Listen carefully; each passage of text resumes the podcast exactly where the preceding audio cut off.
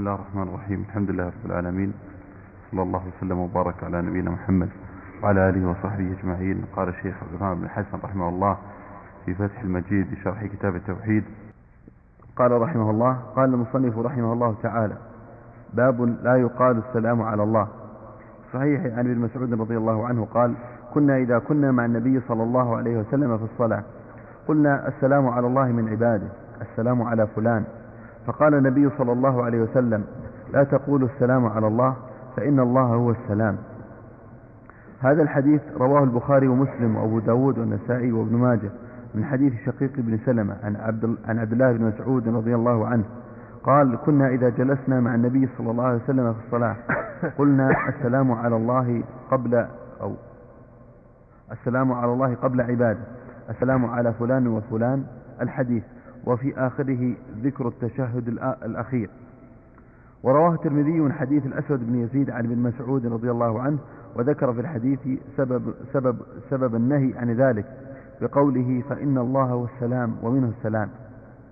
وكان النبي صلى الله عليه وسلم إذا انصرف من الصلاة المكتوبة استغفر ثلاثا وقال اللهم أنت لا يسلم على الله لأنه هو السلام ومنه السلام. السلام منه وهو السلام سبحانه وتعالى. هو السلام السلام هو, هو الله. ومنه السلام منه يسأل. السلام نعم. تفسير فلان وفلان. يعني فلان بعضها السلام على جبريل وميكائيل. كان بعض الأسماء بعض الأسماء نعم. قال وكان النبي صلى الله عليه وسلم إذا انصرف من الصلاة المكتوبة استغفر ثلاثة. وقال اللهم أنت السلام ومنك السلام. تباركت يا ذا الجلال والإكرام. نعم. هذا بعد المكتوبة. نعم. سنة. نعم. قبل وإذا كان إمام قبل أن يعطيهم وجهه. يقول الإمام استغفر الله استغفر الله استغفر الله. ثلاث اللهم السلام ومنك السلام. تبارك ذا الجلال والإكرام. يا ذا الجلال وذا الجلال. تبارك ذا الجلال أو الإكرام. ثم بعد ذلك ينصرف إلى المأمون ويعطيهم وجهه. ثم يقول لا إله إلا الله وحده لا شريك له له الحمد. وهو على كل شيء قدير. نعم. بدون وتعاليت أصلا. إذا ما فيه تعاليت هنا. تعاليت هذه في تباركت ربنا وتعاليت في قنوت جاءت. أما هنا ما تباركت ذا الجلال والإكرام. ما في وتعالى هنا. نعم. قالوا في الاستفتاح. تبارك اسمك وتعالى وتعالى جدك. نعم. قالوا في الحديث إن هذا هو تحية أهل الجنة لربهم تبارك وتعالى. وفي التنزيل ما يدل على أن الرب تبارك وتعالى يسلم عليهم في الجنة كما قال تعالى سلام قولا من رب رحيم.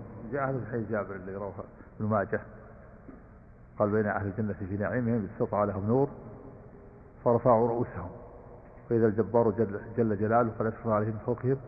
فقال يا أهل الجنة سلام عليكم. فلا يزالون في بركته حتى يتوارى عنهم وتبقى بركته ونوره. رواه ابن ماجه. هذا فيه إثبات إثبات العلو لله عز وجل من فوقهم وإثبات الكلام وإثبات الرؤية. ثلاث صفات. نعم.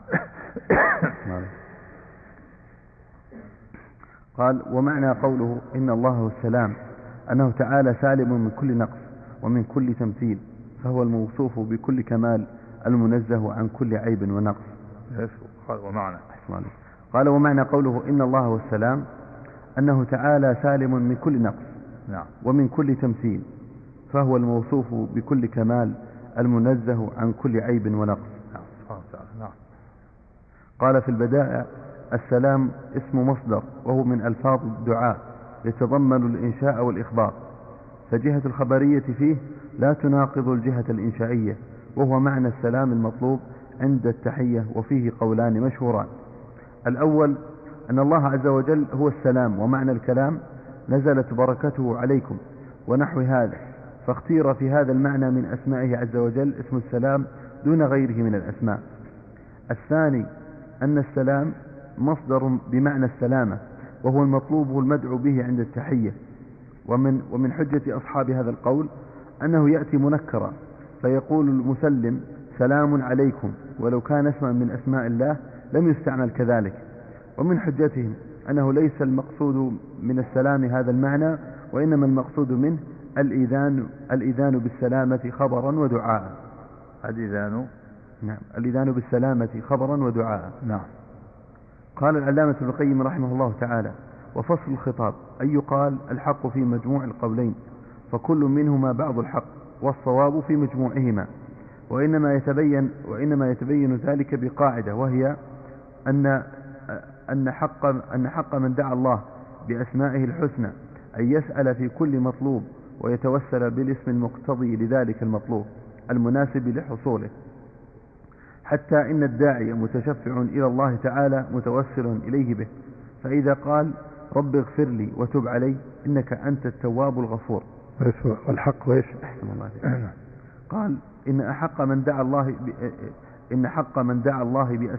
من... دعا الله بأسمائه الحسنى أن يسأل في كل في كل مطلوب ويتوسل بالاسم المقتضي لذلك المطلوب. نعم. المناسب لحصوله. حتى إن الداعي متشفع إلى الله تعالى متوسل إليه به. إذا أراد يسأل الله تو يقول يا تواب تب علي أراد يسأل الله المغفرة يا غفار اغفر لي. مثل الرحمة يا رحمن ارحمني. إذا يطلب الرزق يا رزاق ارزقني. نعم. قال فإذا قال رب اغفر لي وتب علي إنك أنت التواب الغفور فقد سأله أمرين وتوسل إليه باسمين من أسمائه مقتضيين لحصول مطلوبه.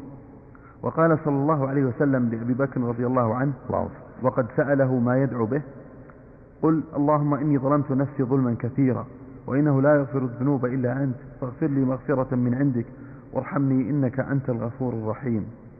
فالمقام لما كان مقام طلب بالسلامة التي هي أهم عند الرجل أتى بلفظها بصيغة اسم من أسماء الله وهو السلام. فالمقام. أحسن الله قال فالمقام لما كان مقام طلب السلامة التي هي أهم عند الرجل. أتى بلفظها بصيغة اسم, بصيغة اسم من أسماء الله وهو السلام. نعم. الذي تطلب منه السلامة. فتضمن لفظ السلام معنيين. أحدهما ذكر الله والثاني طلب السلامة وهو مقصود وهو مقصود المسلم. وقد تضمن سلام وقد وقد تضمن سلام عليكم اسما من أسماء الله تعالى وطلب السلامة منه فتأمل هذه الفائدة. وقد تضمن. أحسن عليكم. قال وقد تضمن سلام عليكم نعم. اسما من أسماء الله تعالى. نعم. وطلب السلامة منه فتأمل هذه الفائدة. نعم. يعني اسم من أسماء الله؟ طلب السلامة. أن تقول السلام يعني اسم لله نزلت بركته عليه وتطلب السلامة. تدعو الله. نعم. هو يشمل أمرين السلام اسم من أسماء الله. أن تتبرك بذكر اسمه وهو دعاء أيضا بالسلام وطلب السلام. نعم. عليك. يحمل في القرآن طلب الدعاء انك اغفر لي إنك أنت العزيز الحكيم. جاء في بعض الآيات. طلب المغفرة والرحمة إيه. أنت العزيز الحكيم. ها إن تعظمه فإن وإن تغفر له فإنك أنت العزيز الحكيم. لا هذا أخبار هذا أخبار. ما هو ما أقول ما هو ما هو بدعاء. يخبر يقول أنت يا الله تفعل ما تشاء. وفق حكمتك. إن تعذبهم فإنهم عبادك وإن تغفر لهم فإنك أنت العزيز الحكيم. ما هو ما ما دعا ما هو بدعاء خبر. خبر خبر. نعم. على لسان إبراهيم في بعض الآيات. سورة إبراهيم. إيه. ومن عصاني فإنك غفور رحيم. خب ربنا اغفر لنا إنك أنت العزيز الحكيم. ها. واغفر لنا إنك أنت العزيز الحكيم. اي نعم هذا يقول هذا تنويع في الدعاء تنويع يعني لك الحكمة البارحة حتى الاسمين مناسبين أيضا. الحكمة الحكمة والعزة والقوة والقدرة. فأنت القادر على المغفرة وأنت حكيم في في مناسبة فيه فيه فيه يقول فيه فيه المناسبة ظاهرة أيضا. حسب من هذا. نعم. ربنا إنك تجمع الناس لا فيه إن الله لا يخلو الميعاد. نعم. صلى الله عليه هذا في الدعاء الراسخين ربنا إنك أنت العزيز. واغفر لنا إنك أنت العزيز الحكيم. نعم. نعم. قال وحقيقته البراءة والخلاص ونجاة من الشرور والعيوب وعلى هذا المعنى تدور تصاريفه. فمن ذلك قولك سلمك الله ومنه دعاء المؤمنين على الصراط رب سلم سلم. ومنه سل آه، ومنه سلم الشيء لفلان أي خلص له وحده. قال تعالى ضرب الله مثلا رجلا فيه شركاء متشاكسون. إيش يقول؟ مداره إيش؟ لك نعم. قال وحقيقته البراءة والخلاص والنجاة من شرور العيوب إيش اللي قبله؟ السلامة. قال آه فتضمن لفظ السلام معنيين نعم. وحقيقته بعده؟ نعم بعده حقيقته. طيب نعم. قال وحقيقته البراء والبراءة والخلاص والنجاة من الشرور والعيوب. وعلى هذا المعنى تدور تصاريفه فمن ذلك قولك سلمك الله ومنه دعاء المؤمنين على الصراط رب سلم سلم. ومنه سلم الشيء لفلان أي خلص له وحده. قال تعالى ضرب الله مثلا رجلا فيه شركاء متشاكسون ورجلا سلما لرجل. يعني خلص له وحده ليس فيه شراكة. نعم. أي خالصا له وحده ولا يملكه معه غيره. ليس فيه شريك أحد نعم. بخلاف العبد المشترك. نعم. أحسن عليك. قال ومنه السلم ضد الحرب لأن كل واحد من المتحاربين يخلص ويسلم من أذى الآخر ولهذا بني فيه على المفاعلة. فقيل المسالمة مثل المشاركة. ومنه القلب السليم وهو النقي من الدغل والعيب. وحقيقته الذي قد سلم الذي قد سلم سلم أحسن الذي قد سلم لله وحده فخلص من دغل الشرك وغله ودغل الذنوب والمخالفات بل هو المستقيم على صدق حبه وحسن معاملته وهذا هو الذي ضمن له النجاة من عذابه والفوز بكرامته. ومنه أخذ الإسلام فإنه من هذه المادة لأنه الاستسلام والانقياد لله والتخلص من شوائب الشرك فسل فسلم لربه وخلص له. سلم. أو سلم. صف سلم سلم لربه طيب. نعم. سلم لربه وخلص له. فسلم لربه وخلص له كالعبد الذي سلم لمولاه. ليس فيه شركاء متشاكسون. ولهذا ضرب سبحانه هذين المثلين للمسلم الخالص لربه وللمشرك به. قال المصنف رحمه الله تعالى فيه مسائل. الأولى تفسير السلام. نعم تفسير السلام له معنى. السلام آه، اسم الله. نزلت بركته عليكم أو دعاء مصدر بمعنى السلام. نعم. وهو المطلوب بالتحية. نعم. الثاني تفسير أنه تحية. نعم. تحية المؤمن في الجنة في الدنيا وفي الجنة. نعم. الثالثة أنها لا تصلح لل... أنها لا تصلح لله. نعم.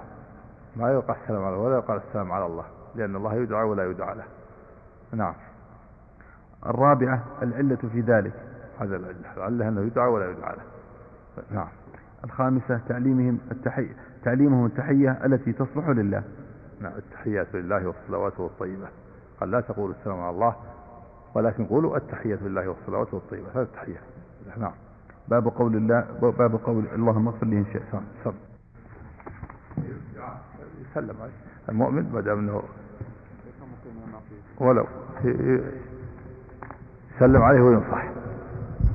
ورأيت حجرة إن كان الهجر يفيد لا تسلم عليه. نعم.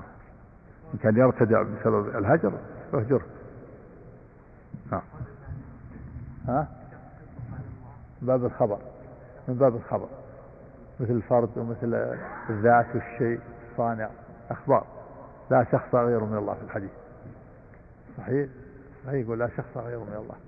هذا أخبر عن نفسه أنه شخص. أخبر الله. قال المصنف رحمه الله تعالى باب قول اللهم اغفر لي إن شئت. يعني أن ذلك لا يجوز لورود النهي عنه في حديث الباب. قال المصنف رحمه الله تعالى في صحيح نعم الباب السابق باب قول اللهم اغفر لي شئت وقال الإمام لا يقول عبدي وأمتي. نعم. نعم. نعم. قال المصنف رحمه الله تعالى في الصحيح عن أبي هريرة رضي الله عنه أن النبي أن رسول الله صلى الله عليه وسلم قال لا يقولن أحدكم اللهم اغفر لي إن شئت اللهم ارحمني إن شئت ليعزم المسألة فإن الله لا مكره له. ولمسلم وليعظم الرغبة فإن الله لا يتعظمه شيء أعطاه. نعم وليعظم الرغبة نعم. ضبط عندك الشكل. تشديد. طيب لا بأس نعم. نعم. قال أحسن عليك بخلاف العبد فإنه قد يعطي السائل مسألته لحاجته إليه أو لخوفه منه.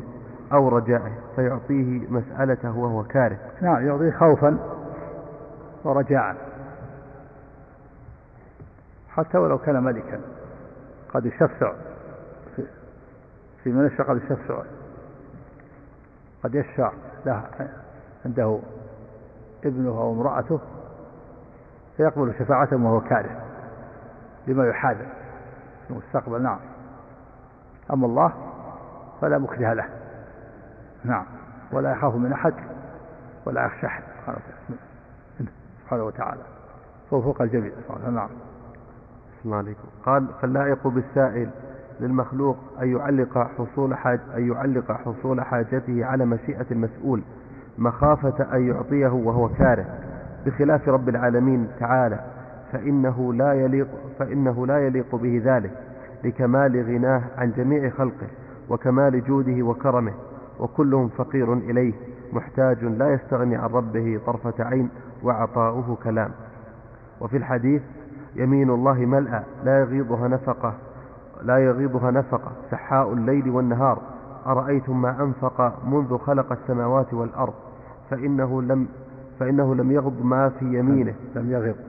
أحسن عليك. قال فإنه لم يغض ما في يمينه وفي يده الأخرى القسط يخفضه ويرفعه. نعم. يعطي تعالى لحكم يعطي تعالى لحكمة ويمنع لحكمة وهو الحكيم الخبير. فاللائق بمن سأل الله أن يعزم المسألة فإن الله تعالى لا يعطي عبده شيئا عن كراهة ولا عن عظم مسألة. وقد قال بعض الشعراء في من يمدحه ويعظم في عين الصغير صغارها ويصغر في عين العظيم العظائم. وأما هذا وأما هذا بالنسبة إلى ما في نفوس أرباب الدنيا قائف وأما هذا؟ قال وأما هذا بالنسبة إلى ما في نفوس وأما هذا؟ ها؟ وهذا بدون وأما. بدون وأما. نعم. وهذا بالنسبة نعم. قال وهذا بالنسبة إلى ما في نفوس أرباب الدنيا. وإلا فإن العبد يعطى تارة ويمنع أكثر. ويعطي كرها والبخل ويعطي كرها والبخل عليه أغلب. إيش؟ وهذا بالنسبة إلى أرباب الدنيا. قال وهذا بالنسبة إلى ما في نفوس أرباب الدنيا. نعم. وإلا فإن العبد يعطي تارة فإن العبد يعطى تارة ويمنع ويمنع أكثر. ويعطي يعطي يعطي تارة نعم. قال فإن العبد يعطي تارة ويمنع. ويمنع أكثر. نعم. ويعطي كرها والبخل عليه أغلب. وبن... نعم هكذا. يغلب على ابن آدم. نعم. قال وبالنسبة إلى حاله هذه فليس عطاؤه بعظيم.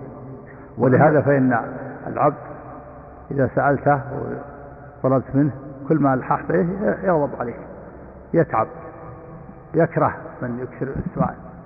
أما الله سبحانه وتعالى فهو يحب الملحين بالسؤال ويغضب على من لم يسأل كما قال الشاعر الله يغضب إن تركت سؤاله. وبني آدم حين يسأل يغضب. نعم. قال وبالنسبة إلى حاله هذه فليس عطاؤه بعظيم وأما ما يعطيه الله عباده فهو دائم مستمر يجود بالنوال قبل السؤال من حيث وضعت النطفة في الرحم فنعمه, فنعمه, فنعمه على الجنين في بطن أمه دارة يربيه أحسن تربية. فإذا وضعت أمه عطف عليه والديه ورباه بنعمه حتى يبلغ أشده. يتقلب في نعم الله مدة حياته.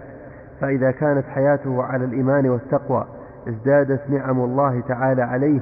إذا توفاه أضعاف أضعاف ما كان عليه في الدنيا من النعم التي لا يقدر قدرها إلا الله. مما أعلم. لا يقدر قدرها. نعم. لا, لا يقدر قدرها. يصلح. قدره يعني وما قدر الله حق قدره. قدر يقدر. قدر. فقدر يقدر. نعم. نعم. فقدر يقدر نعم. يصلح يقدر. نعم. قال من ما كان عليه في من في الدنيا من النعم التي لا يقدر قدرها إلا الله مما أعده الله تعالى لعباده المؤمنين المتقين. وكل ما يناله العبد في الدنيا من النعم وإن كان بعضها على يد مخلوق فهو بإذن الله وإرادته وإحسانه إلى عبده. فإن الله تعالى هو المحمود على النعم كلها فهو الذي شاءها وقدرها وأجراها عن كرمه وجوده وفضله فله النعمة وله الفضل وله الثناء الحسن. قال تعالى وما بكم من نعمة فمن الله ثم إذا مسكم الضر فإليه تجأرون. وقد يمنع تعالى عبده إذا سأله لحكمة وعلم, لحكمة وعلم بما يصلح عبده من العطاء والمنع وقد يؤخر ما سأله عبده لوقته المقدر أو ليعطيه أكثر فتبارك الله رب العالمين. نعم. له الحكمة البارئة هو الحكيم العليم. نعم. قوله ولمسلم وليعظم الرغبة أي في سؤاله لربه حاجته فإنه يعطى العض... فإنه يعطي العظائم كرما وجودا وإحسانا فإن الله لا يتعظمه شيء أعطاه أي ليس شيء عنده يعظم وإن عظم في نفس المخلوق لأن سائل لأن سائل المخلوق لا يسأله إلا ما يهون عليه بذله بخلاف رب العالمين. فإن عطاءه كلام إنما أمره إذا أراد شيئا أن يقول له كن فيكون. فسبحان من لا يقدر الخلق قدره لا إله غيره ولا رب سواه. قال المصنف رحمه الله فيه مسائل الأولى النهي عن الاستثناء في الدعاء. نعم. لا يقول اللهم اغفر لي إن شئت. هذا الاستثناء هذا النهي عن الاستثناء في الدعاء. نعم. ما يقول إن شئت. يجزم. اللهم اغفر لي اللهم ارحمني. ما يقول إن شئت. لأن هذا كما سبق أنه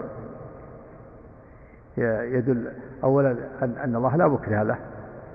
وثانيا أنه يدل على أن السائل غير مهتم بسؤاله وأنه إن حصل أو لم يحصل فهو متساويان. وهذا ما يليق بكرم الرب سبحانه وتعالى وأنه أجد وأجد وأكرم وأكرم ولا يليق بفقر العبد وحاجته إلى الله. فلا ينبغي الإنسان أن يستثني. نعم. ما يجري على العامة الآن يعني إن شاء الله يختم الدعاء لا لا, لا غلط. هذا ينهى العامة عن هذا. بعض العامة عنده غلو في الاستثناء حتى يستثني في رحمه الله وإياك إن شاء الله. ما, ما, في استثناء هنا. نعم. الثانية بيان العلة في ذلك. نعم. الثالثة قوله العلة فإن الله لا مكره له بين فإن الله لا مكره له ولا تعظم وإن الله لا تعظم شأن أعطاه. نعم. أحسن الثالثة قوله ليعزم المسألة. نعم. يعزم يجزم يعني لا يستثني. نعم.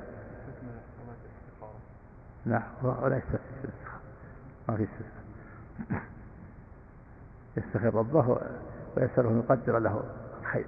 نعم. الرابعة إعظام الرغبة. نعم وليعظم الرغبة. نعم. الخامسة التعليل لهذا الأمر. قوله فإن الله تعظم شيء أعطاه. يعظم الرغبة تعليل إن الله تعظم شيء أعطاه. نعم.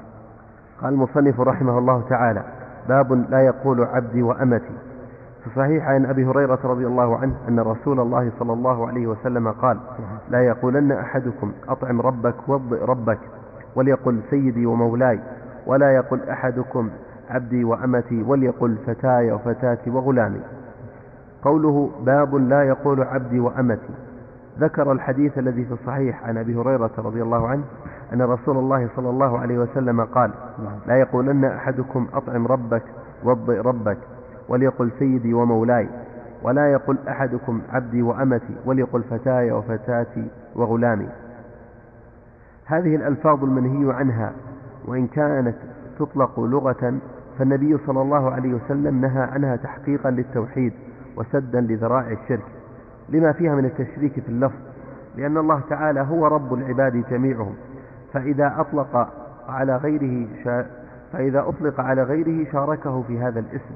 نعم. فالنهي كل التنزيه والأدب. والأدلة الأخرى كقوله إنه ربي أحسن مثواي وتلد الأمة ربتها محمولة على الجواز هذا أرجح ما سبق كما في وجوه متعددة أرجح هذا هو أن النهي للتنزيه والأدب. بما فيه من إهام المشاركة في الربوبية ولا أطعم ربك ولما فيه من إهام في قوله أطعم ربك وكذلك قول السيد عبدي وأمتي. هذا في إهام مشاركة الله في ربوبيته العبيد عبيد الله.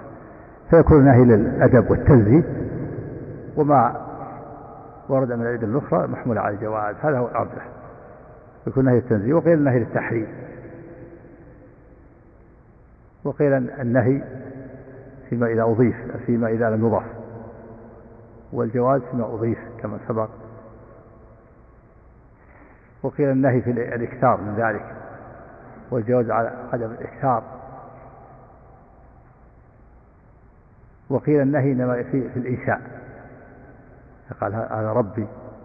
والجواز محمول على التسمية والوصف. باب التسمية والخبر لأن هذا باب الخبر. فإذا وصف أو سماه لا بأس به أما إذا أنشأ ربي هذا هو الممنوع. وقيل النهي في الذكر. ربه والجواز في الإنسان يقول ربتها. والأرجح كما سبق أن النهي للتنزيه والأدب تحقيق للتوحيد وحماية الرجال بالتوحيد وسدا في ذريعة الإيهام وما دل جاء من الأدلة محمولة على الجواز. أنه ربي أحسن مثواي فإن لم تربه هذا هو الأرجح. نعم. قال فإذا أطلق فإذا أطلق على غيره شاركه في هذا الاسم فينهى عن فينهى عنه لذلك. وإن لم يقصد بذلك التشريك في الربوبية التي هي وصف الله تعالى. وإنما المعنى أن هذا مالك له فيطلق, فيطلق عليه هذا اللفظ بهذا الاعتبار.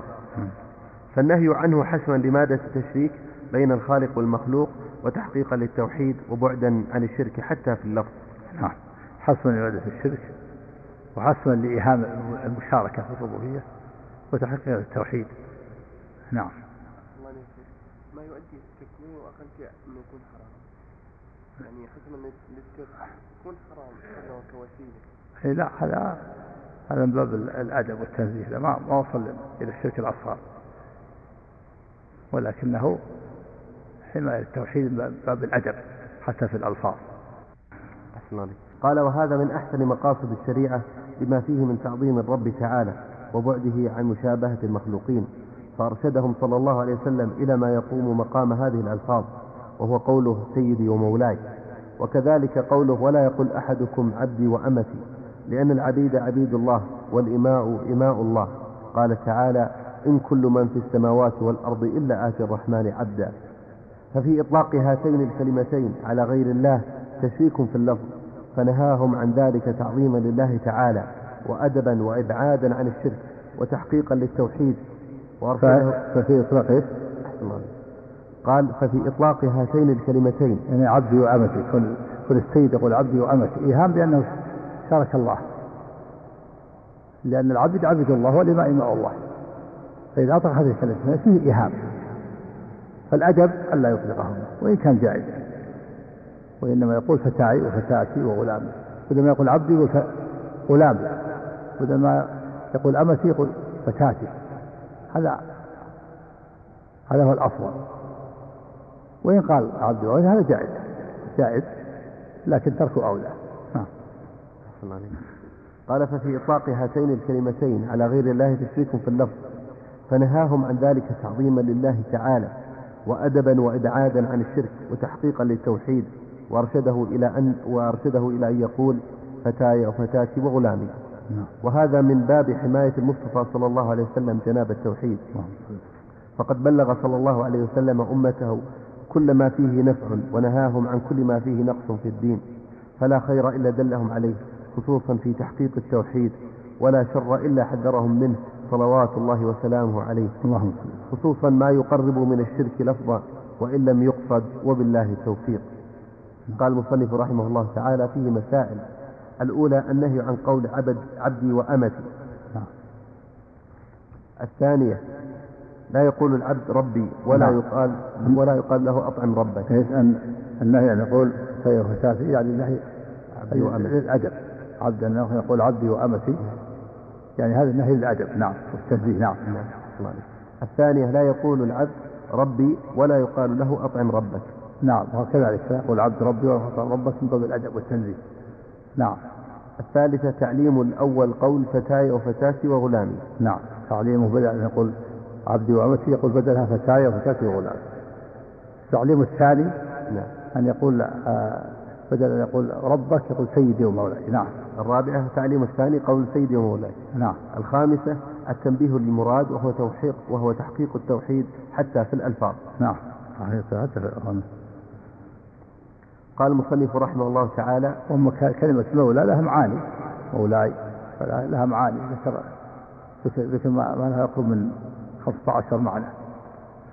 على السيد وعلى تطلق على السيد وعلى العبد السيد قال مولى والعبد قال مولى والناصر والمعين لها معاني متعددة. نعم. قال المصنف رحمه الله تعالى باب لا يرد من سأل بالله. عن ابن عمر رضي الله عنهما قال قال رسول الله صلى الله عليه وسلم من استعاذ بالله فأعدوه ومن سأل بالله فأعطوه ومن دعاكم فأجيبوه ومن صنع إليكم معروفا فكافئوه فإن لم تجدوا ما تكافئوه فادعوا له حتى تروا أنكم قد كافأتموه. رواه أبو داود والنسائي بسند صحيح. أنا قول من استعاذ بالله بدأها هذه إن نسخة الأخرى من سأل بالله. يراجع الحديث. في الحديث حاشية عليك. إيه. آه، حاشية تحقيق التجريد. قال آه، تحقيق تجريد لمن؟ ل- عبد الهادي بن محمد عبد الهادي البكري الع- العجيلي أو العجيلي. هذا تحقيق تجريد التوحيد؟ نعم شرح كتاب التوحيد يعني تحقيق فتح المجيد؟ تحقيق التجريد في شرح كتاب التوحيد.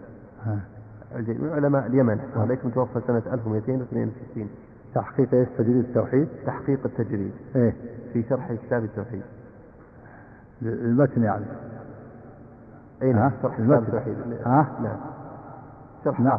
كتاب شرح. أي نعم. قال المحقق ها. قال أحسن عليك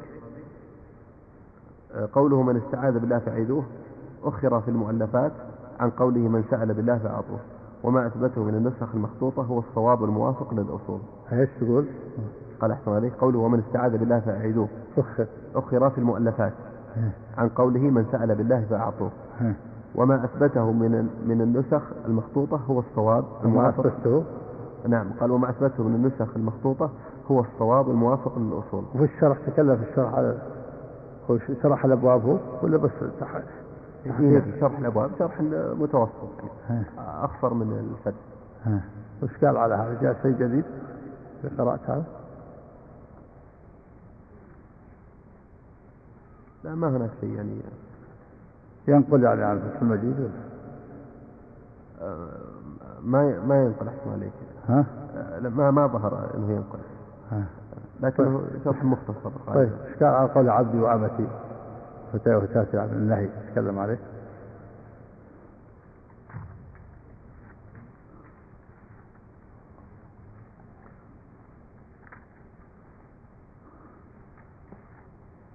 قال أحسن عليك و- ولا يقول أحدكم عبدي وأمتي. قال الشارح رحمه الله كراهة لذكر العبودية لغير الله تعالى وليقل فتاي وفتاتي وغلامي. قال وفي رواية لا يقولن أحدكم عبدي وأمتي فكلكم عبيد ولا يقول العبد ربي وليقل سيدي. وفي رواية لا يقولن أحدكم عبدي وأمتي كلكم عبيد الله وكل نسائكم إماء الله ولكن ليقل غلامي وجاريتي وفتاي وفتاتي. قال في في الحاشية صحيح مسلم مع شرح النووي. ثم قال أحسن عليك وهذا كله من تحقيق التوحيد لأن حقيقة العبودية إنما يستحقها الله تعالى. ولأن فيها تعظيما لا يليق بالمخلوق استعماله لنفسه. وقد بين صلى الله عليه وسلم العلة في ذلك فقال كلكم عبيد الله. فنهى عن التطاول في اللفظ كما نهى عن التطاول في الأفعال وفي إسبال الإزار وغيره. طيب. ها؟ تقريبا السادس سنة ابن ماجه. نعم. هذا موافق الأصول نعم. قال أحسن إليك قال الشارح رحمه الله ظاهر الحديث النهي, عن رد السائل إذا سأل بالله لكن هذا العموم يحتاج إلى تفصيل بحسب ما ورد في في الكتاب والسنة. فيجب إذا سأل السائل ما له فيه حق كبيت المال كبيت المال أن يجاب فيعطى منه على قدر حاجته وما يستحقه. وكذلك إذا سأل المحتاج من من في ماله فضل فيجب أن يعطيه على حسب حاله ومسألته. وأما إذا سأل من لا فضل عنده فيستحب أن يعطيه على قدر حال المسؤول ما لا ما لا يضره ولا يضر عائلته. إن كان مضطرا وجب أن يعطيه ما يدفع ضرورته وإن كان مضطرا. نعم. وإن كان مضطرا وجب أن يعطيه يعني ما إذا سأل يدفع ضرورته إذا سأل الإنسان بالله رسول الله تعطيه وعنده فضل مال عنده زيادة عن حاجته يعطيه شيئا لا يضر بعائلته. ويتحقق به إجابة السائل. يعطيه ما تيسر يعطيه ما تيسر. ما دام غير مضطر السائل غير مضطر والمسؤول عنده زيادة فضل عن زيادة عن حاجة أولاده. ففي هذه الحالة يعطيه ما يضر بعائلته ولا ويتحقق بسؤال السائل.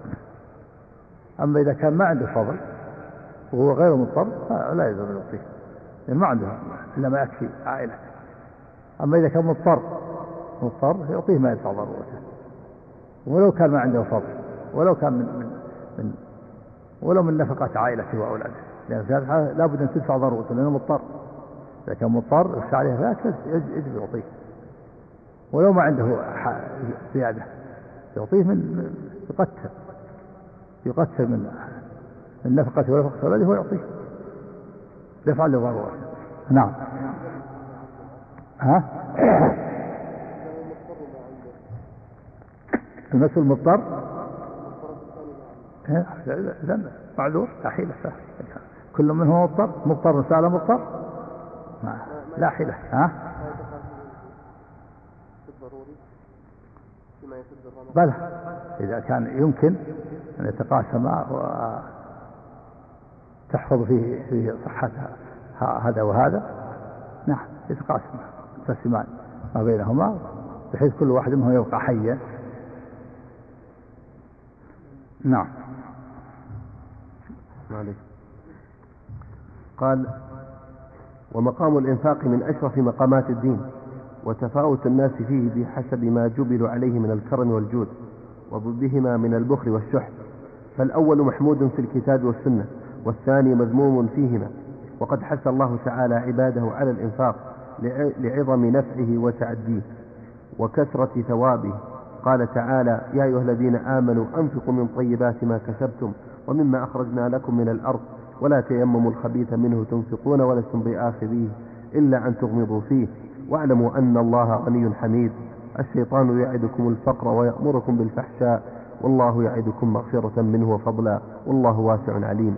وقال تعالى وأنفقوا مما جعلكم مستخلفين فيه وذلك الإنفاق في خصال البر المذكورة في قوله ليس البر أن تولوا وجوهكم قبل المشرق والمغرب ولكن البر من آمن بالله واليوم الآخر والملائكة والكتاب والنبيين وآتى المال على حبه ذوي القربى واليتامى والمساكين وابن السبيل والسائلين وفي الرقاب وأقام الصلاة وآتى الزكاة والموفون بعهدهم إذا عاهدوا والصابرين في البأساء والضراء وحين البأس أولئك الذين صدقوا وأولئك هم المتقون. فذك فذكره بعد ذكر أصول فذكره بعد ذكر أصول الإيمان وقبل ذكر الصلاة وذلك والله أعلم لتعدي نفعه لا لا الإنفاق ذكر بعد أصول الإيمان وقبل إيش؟ نعم وقبل ذكر الصلاة. وقبل ذكر الصلاة. قوله ولكن البر من آمن بالله واليوم الآخر والملائكة والكتاب والنبيين هذه أصول الإيمان. ثم قال وآتى المال على حبه آتى النفقة ثم أتى بعد بعد ذلك بإقام الصلاة. فإذا أتى بالإنفاق بعد أصول الإيمان وقبل الصلاة وهذا يدل على أهميته ولكن البر من آمن بالله والملائكة والملائكة والنبي وآتى المال على حبه ثم قال آتى المال من؟ ذوي القربى واليتامى والمساكين وبالسبيل والسائلين وفي الرقاب هذه كذا مصارف مصارف النفقة ما هي مصارف النفقة؟ آتى المال على حب ذوي القربى يعطي ذوي القربى واليتامى والمساكين والسائلين سائل يسأل من ذلك السائل سأل بالله يدخل سأل بالله فضل. وفي الرقاب. ها والسائلين في الرقاب. نعم. والسائلين وآتى المال على حب ذي القربى واليتامى والمساكين وبالسبيل. وابن السبيل والسائلين وفي الرقاب. ثم قال وأقام الصلاة. فذكر النفقة بعد خصال بعد أصول الإيمان وقبل الصلاة. نعم. وذلك والله أعلم. نعم. فذكر نعم. قال فذكره بعد ذكر أصول الإيمان وقبل ذكر الصلاة وذلك والله أعلم لتعدي نفعه. وذك وذكره تعالى لتعدي نفعه يعني السبب. يعني قدم الإنفاق لنفع متعدي. وأما الصلاة كذا وهي كانت أشرف لكن نفع قاصر على صاحبها. نعم. قال وذكره تعالى في الأعمال التي أمر بها عباده. وتعبدهم بها ووعدهم عليها الأجر العظيم. قال تعالى إن المسلمين والمسلمات والمؤمنين والمؤمنات والقانتين والقانتات والصادقين والصادقات والصابرين والصابرات والخاشعين والخاشعات والمتصدقين والمتصدقات والصائمين والصائمات والحافظين فروجهم والحافظات والذاكرين الله كثيرا والذاكرات أعد الله لهم مغفرة وأجرا عظيما. وكان النبي صلى الله عليه وسلم يحث أصحابه على الصدقة المصدقين والمصدقات. نعم. نعم. نعم. قال وكان النبي صلى الله عليه وسلم يحث أصحابه على الصدقة حتى النساء نصحا للأمة وحثا لهم على ما ينفعهم عاجلا وآجلا. وقد أثنى الله وقد أثنى الله سبحانه على الأنصار رضي الله عنهم بالإيثار. فقال ويؤثرون على أنفسهم ولو كان بهم خصاصة. ومن يوق شح نفسه فأولئك هم المفلحون. والإيثار من أفضل خصال المؤمن كما تفيد هذه الآية الكريمة. وقد قال تعالى ويطعمون الطعام على حبه مسكينا ويتيما وأسيرا. إنما نطعمكم لوجه الله لا نريد منكم جزاء ولا شكورا. والآيات والأحاديث في فضل الصدقة كثيرة جدا. ومن كان سعيه للدار, للدار الآخرة رغب في هذا ورغب. وبالله التوفيق. إيه. إيه. والآثار في هذا كثيرة. نعم. قال والآيات والأحاديث في فضل الصدقة كثيرة جدا. نعم. ومن كان سعيه للدار الآخرة رغب في هذا ورغب. وبالله التوفيق. الله أكبر. قوله من ومن دعاكم فأجيبوه. هذا من حقوق المسلمين بعضهم على بعض. استعاذ بالله فاعل ما جاءت؟ ما ها؟ قفزها؟ ما تكلم عنه. هذا في كشف العزيز الحميد. تكلم عليه وهذا ومختصر ومختصر لكشف العزيز الحبيب تكلم عليها جديدة جديدة قال عن ابن عمر رضي الله عنهما قال قال رسول الله صلى الله عليه وسلم من استعاذ بالله فأعيدوه أي خلصوه. الاستعاذة بالله جل وعلا هو من الالتجاء إليه والامتناع به. فأمر النبي صلى الله عليه وسلم أن يمنع أن يمنع المستعيذ بالله ويعاد من شر ما أراده بسوء في نفسه وماله تعظيما لله إيه؟ ويعاد من شر نعم إيه؟ ويعاذ من شر من أراده بسوء في نفسه وماله تعظيما لله المستعاذ به بس. نعم وقال أيضا في رواية في سنن النسائي ومسند ومستدرك قال في رواية من استجار بالله فأجروه وتكلم نعم استجارة استعاذة نعم. نعم الاستعاذة نعم. أحسن عليك. قوله ومن دعاكم فأجيبوه. هذا من حقوق المسلمين بعضهم على بعض إجابة دعوة المسلم وتلك من أسباب الألفة والمحبة بين المسلمين. قوله ومن صنع إليكم معروفا فكافئوه. ندبهم صلى الله عليه وسلم إلى المكافأة على المعروف. فإن المكافأة على المعروف من المروءة التي يحبها الله تعالى ورسوله كما دل عليه هذا الحديث ولا يهمل المكافأة على المعروف إلا اللئيم من الناس. وبعض اللئام يكافئ على الإحسان بالإساءة كما يقع ذلك كثيرا من بعضهم. نسأل الله العفو والعافية في الدنيا والآخرة. بخلاف حال أهل التقوى والإيمان. كما يقال اتق الشر من أحسنت إليه. تحسن إليه وهو يسيء إليه. نعم. قال بخلاف حال أهل التقوى والإيمان فإنهم يدفعون بالحسنة السيئة طاعة لله ومحبة لما يحبه لهم ويرضاه. كما قال تعالى ادفع بالتي هي أحسن ادفع, بال... ادفع بالتي هي أحسن السيئة السيئة نحن أعلم بما يصفون. وقل ربي أعوذ بك من همزات الشياطين وأعوذ بك, وأعوذ بك ربي أن يحضرون. وقال تعالى ادفع بالتي هي أحسن فإذا الذي بينك وبينه عداوة كأنه ولي حميم وما يلقاها إلا الذين صبروا وما يلقاها إلا ذو حظ عظيم. وهم الذين سبقت لهم من الله السعادة. قوله فإن لم تجدوا ما تكافئوه فادعوا له. أرشدهم صلى الله عليه وسلم إلى أن الدعاء في تكافئوه ولا تكافئونه؟ تكلم, تكلم عنها. أحسن الله عليك إيه. إيش قال؟ آه، الشيخ محمد عليك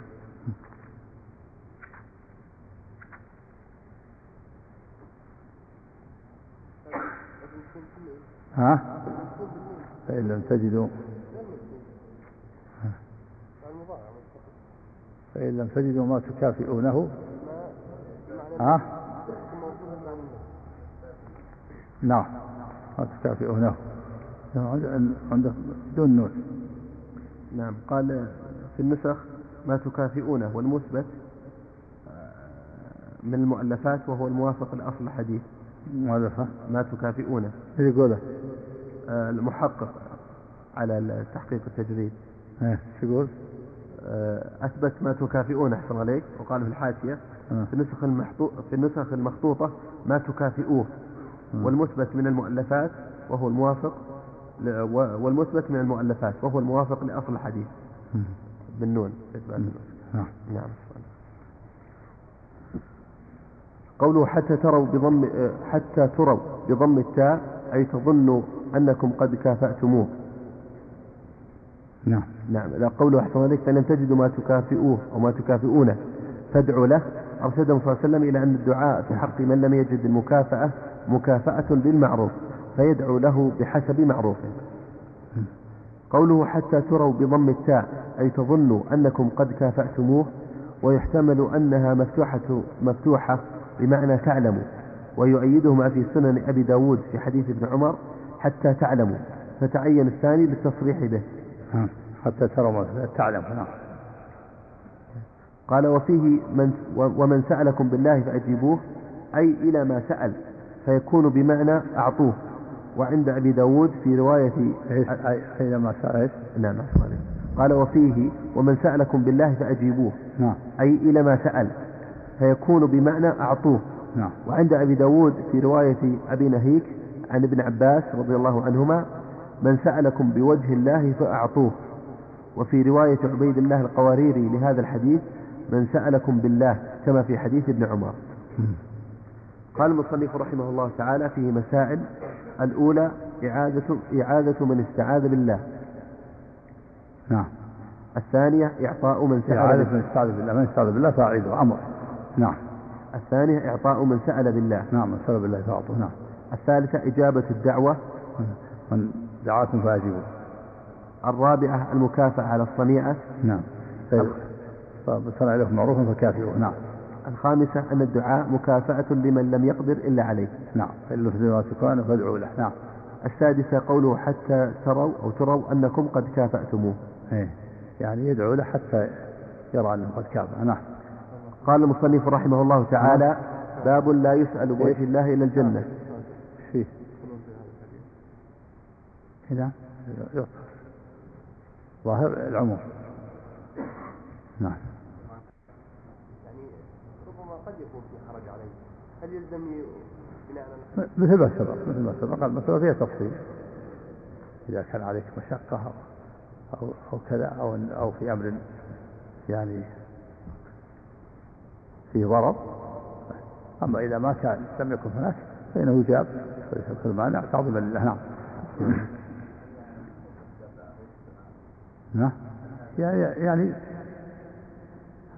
نعم يعني يكثر من الدعاء حتى يعلم أنه قد كافى ويغلب على ظنه انه قد أدى المعروف نعم.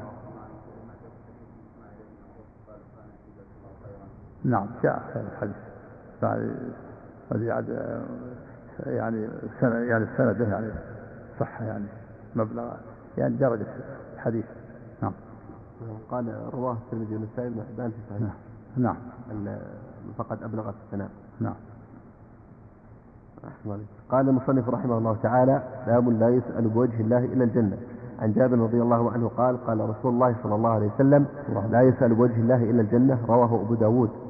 قوله باب لا يسأل بوجه الله إلى الجنة ذكر فيه حديث جابر رواه أبو داود عن جابر رضي الله عنه قال قال رسول الله صلى الله عليه وسلم لا يسأل بوجه الله إلى الجنة.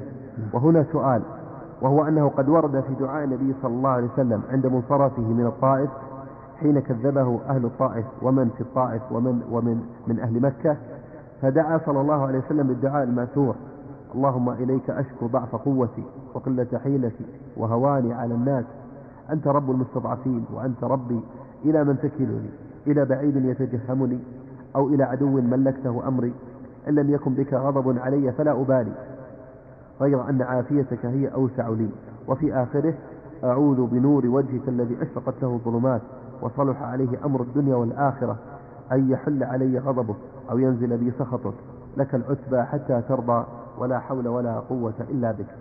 والحديث المروي في الأذكار اللهم أنت أحق من ذكر وأحق من عبد وفي آخره أعوذ بنور وجهك الذي أشرقت له السماوات والأرض. وفي حديث آخر أعوذ بوجه الله الكريم وبسم الله العظيم وبكلماته التامة من شر السامة واللامة. قال وفي حديث آخر نعم. أعوذ بوجه الله الكريم نعم. وبسم الله العظيم وبكلماته التامة من شر السامة واللامة. ومن شر ما خلقت أي ربي ومن شر هذا اليوم ومن شر ما بعده ومن شر الدنيا والآخرة. وأمثال ذلك في الأحاديث المرفوعة بالأسانيد, بالأسانيد الصحيحة أو الحسان. فالجواب أن ما ورد في ذلك فهو سؤال ما يقرب إلى الجنة أو ما يمنعه من الأعمال التي تمنعه من الجنة. فيكون قد سأل بوجه الله. الجواب نعم. وتكون أيضا هذه شواهد تقوي هذا تقوي الحديث الحديث ضعيف اسم المعاذ ضعيف لكن تقوي هذه الشواهد فالجواب أحسن عليك. قال فالجواب أن ما ورد في ذلك فهو من سؤال ما يقرب إلى الجنة أو ما يمنعه من الأعمال التي تمنعه من الجنة فيكون قد سأل بوجه الله وبنور وجهه ما يقرب إلى الجنة كما قال في الحديث الصحيح اللهم إني أسألك الجنة وما يقرب إليها من قول أو عمل وأعوذ بك من النار وما يقرب إليها من قول أو عمل. بخلاف ما يختص بالدنيا كسؤاله المال والرزق والسعة في المعيشة رغبة في الدنيا مع قطع النظر عن كونه أراد بذلك ما يعينه على عمل الآخرة. فلا ريب أن أعوذ بوجهك الذي يحل عليه غضبه. هذا سؤال بوجه الله. ما هو وسيلة إلى الجنة؟ هو استعاذة من غضبه ومن- ومن النار. نعم. فهو- يسأل بوجه الله الجنة وما هو وسيلة إليها. نعم. قال فلا ريب أن الحديث يدل على المنع من أن يسأل حوائج الدنيا بو... من أن يسأل حوائج دنياه بوجه الله. نعم. وعلى هذا فلا تعارض بين الأحاديث كما لا يخفى والله أعلم. نعم. وحديث الباب من جملة الأدلة المتواترة في الكتاب والسنة على إثبات الوجه على إثبات الوجه لله تعالى. نعم. فإنه صفة كمال وسلبه غاية النقص. والتشبيه بالناقصات كسلبهم جميع الصفات أو بعضها. فوقعوا والتشبيه بالناقصات كسلبهم جميع قال الصفات ويبقى وجه ربك ذو الجلال والإكرام. نعم. نعم. قال والتشبيه بالناقصات كسلبهم جميع الصفات أو بعضها. فوقعوا في أعظم مما فروا منه. تع- تعالى. الله عما يقولون علوا كبيرا. في أعظم نعم. نعم. قال فوقعوا في أعظم مما فروا منه. تعالى الله عما يقولون علوا كبيرا. وطريقة أهل السنة والجماعة سلفا وخلفا الإيمان بما وصف الله به نفسه في كتابه وصفه به رسوله صلى الله عليه وسلم في سنته على ما يليق بجلال الله وعظمته. فيثبتون ما أثبته لنفسه في كتابه وأثبته له رسوله صلى الله عليه وسلم وينفون عنه مشابهة المخلوق. فكما أن ذات الرب تعالى لا تشبه الذوات فصفاته كذلك لا تشبه الصفات فمن نفاها فقد سلبه الكمال. قال المصنف رحمه الله تعالى فيه مسائل الأولى النهي عن أن يسأل بوجه الله إلا غاية المطالب. نعم. وهي الجنة وما هو وسيلة إليها؟ وما هو وسيلة إليها؟ نعم. الثانية إثبات صفة الوجه. نعم. باب ما جاء. في اللوح. صح. أحسن عليك. نعم.